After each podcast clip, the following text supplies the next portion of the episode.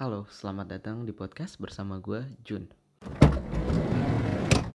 Di podcast kali ini gue pengen ngomongin nih soal apa ya kegelisahan gue tentang banyak orang yang nggak tahu nih mau ngapain kayak podcast gue sebelumnya yang ceritain kenapa sih lo harus ikut lomba dan organisasi kayak gitu. Uh, di sini gue bakal nyoba ngebantu orang-orang yang nggak tahu mau ngapain dengan cara mengaplikasikan yang namanya R dan K strategi bisa di Google di internet kalau nggak tahu. Secara garis besar itu tuh cara yang dilakukan oleh makhluk hidup dalam ekosistem. Kalau kalian nggak tahu misalnya mau ngapain dalam hidup coba start making many cheap projects. The ones that aren't worth doing would die off naturally. Di, uh, biasanya problematika yang dihadapin sama orang-orang yang nggak tahu mau ngapain itu biasanya gue mau mau buat sesuatu nih tapi gue nggak tahu apa nih yang harus gue mulai. Tapi kesannya gue pengen nih pengen mulai sesuatu tapi masih nggak tahu apa yang gue butuhin mau ngapain goalnya dan siapa aja yang kira-kira bisa join gue gitu misalnya. Oleh karena itu gue merasa strategi R dan K ini bakal cocok untuk kalian. Step yang pertama jadi R strategies R strategies itu maksudnya adalah uh, kita start a bunch of cheap projects, a short term projects. Ya udah, start aja semuanya, jangan mikir gitu. Mulai aja.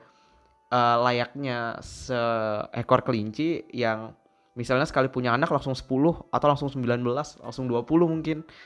Ya kalau kelinci gue waktu itu 5 sih. Ya, intinya banyak.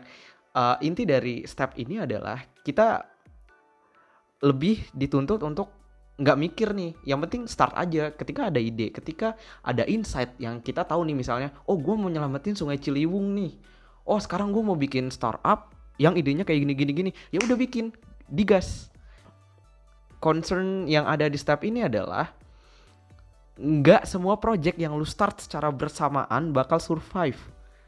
Sebagaimana art strategi diterapin oleh kelinci kayak kelinci misalnya berkembang biak punya 10 anak dia punya low expectation terhadap 10 anaknya itu akan hidup sampai tua nanti kayak dia.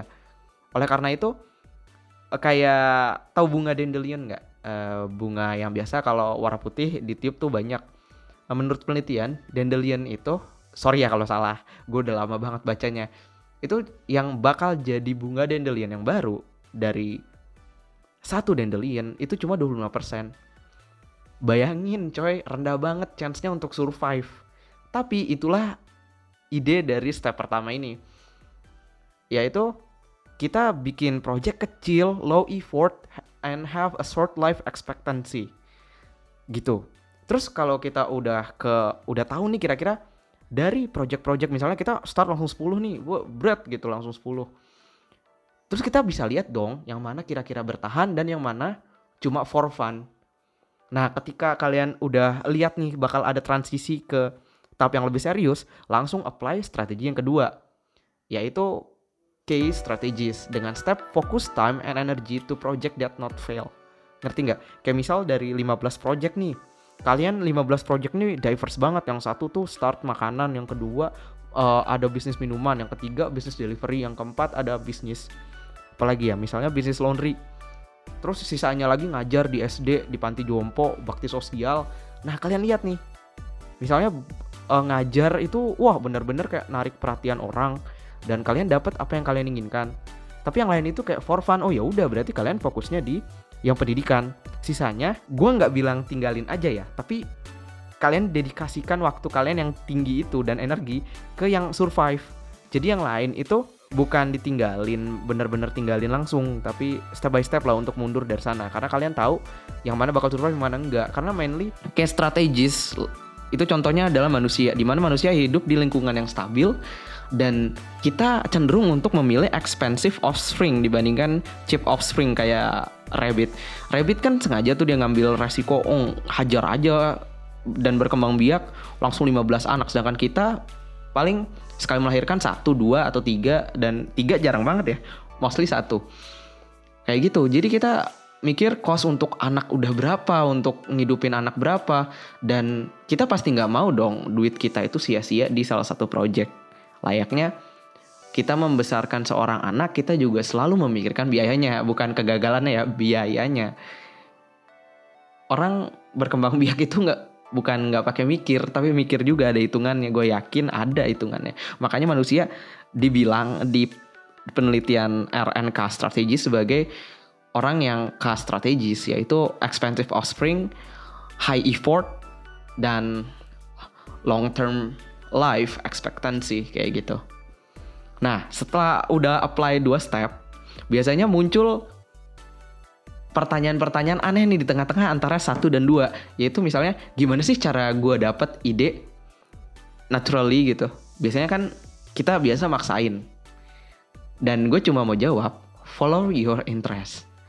Kayak misal gue waktu dulu, dulu ya, waktu sebelum di tahun terakhir ini, karena gue masih swasta, tingkat akhir, uh,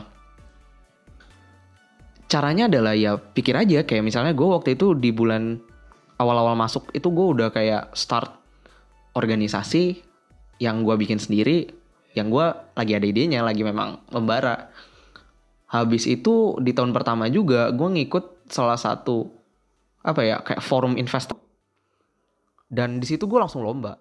Karena gue nggak tahu cuy di tahun pertama gue mau ngapain gue nggak tahu. Tapi gue hajar aja. Dan mostly berbarengan gitu timelinenya. Jadi dalam tahun pertama gue bisa start sekitar 5 atau 6 project berbeda gitu. Kayak misalnya lomba bikin organisasi join organisasi lain uh, habis itu magang di organisasi lain fokus ke kuliah belajar ambis di kuliah kayak gitu. Jadi langsung 6 project. Dan itu idenya datang ke gua naturally gitu kayak lagi duduk tiba-tiba mikir oh iya ya di Indonesia kayaknya masih kurang ini ini kenapa nggak gue turun ke dunia pendidikan? Terus oh iya ya eh, kira-kira generasi muda nih kalau gue kasih pendidikan tentang investasi kayaknya seru nih.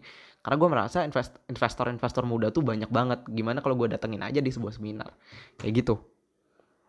Uh, gitu aja podcast gue kali ini.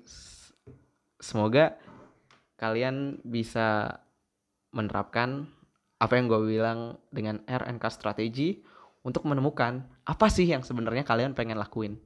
Ingat, R start a bunch of projects cheap, less effort, and short-term life expectancy while K strategies is the opposite and you just have to know when to tran to do the transition between the R and K strategy. Itu aja podcast gue malam ini. Sampai jumpa di episode selanjutnya.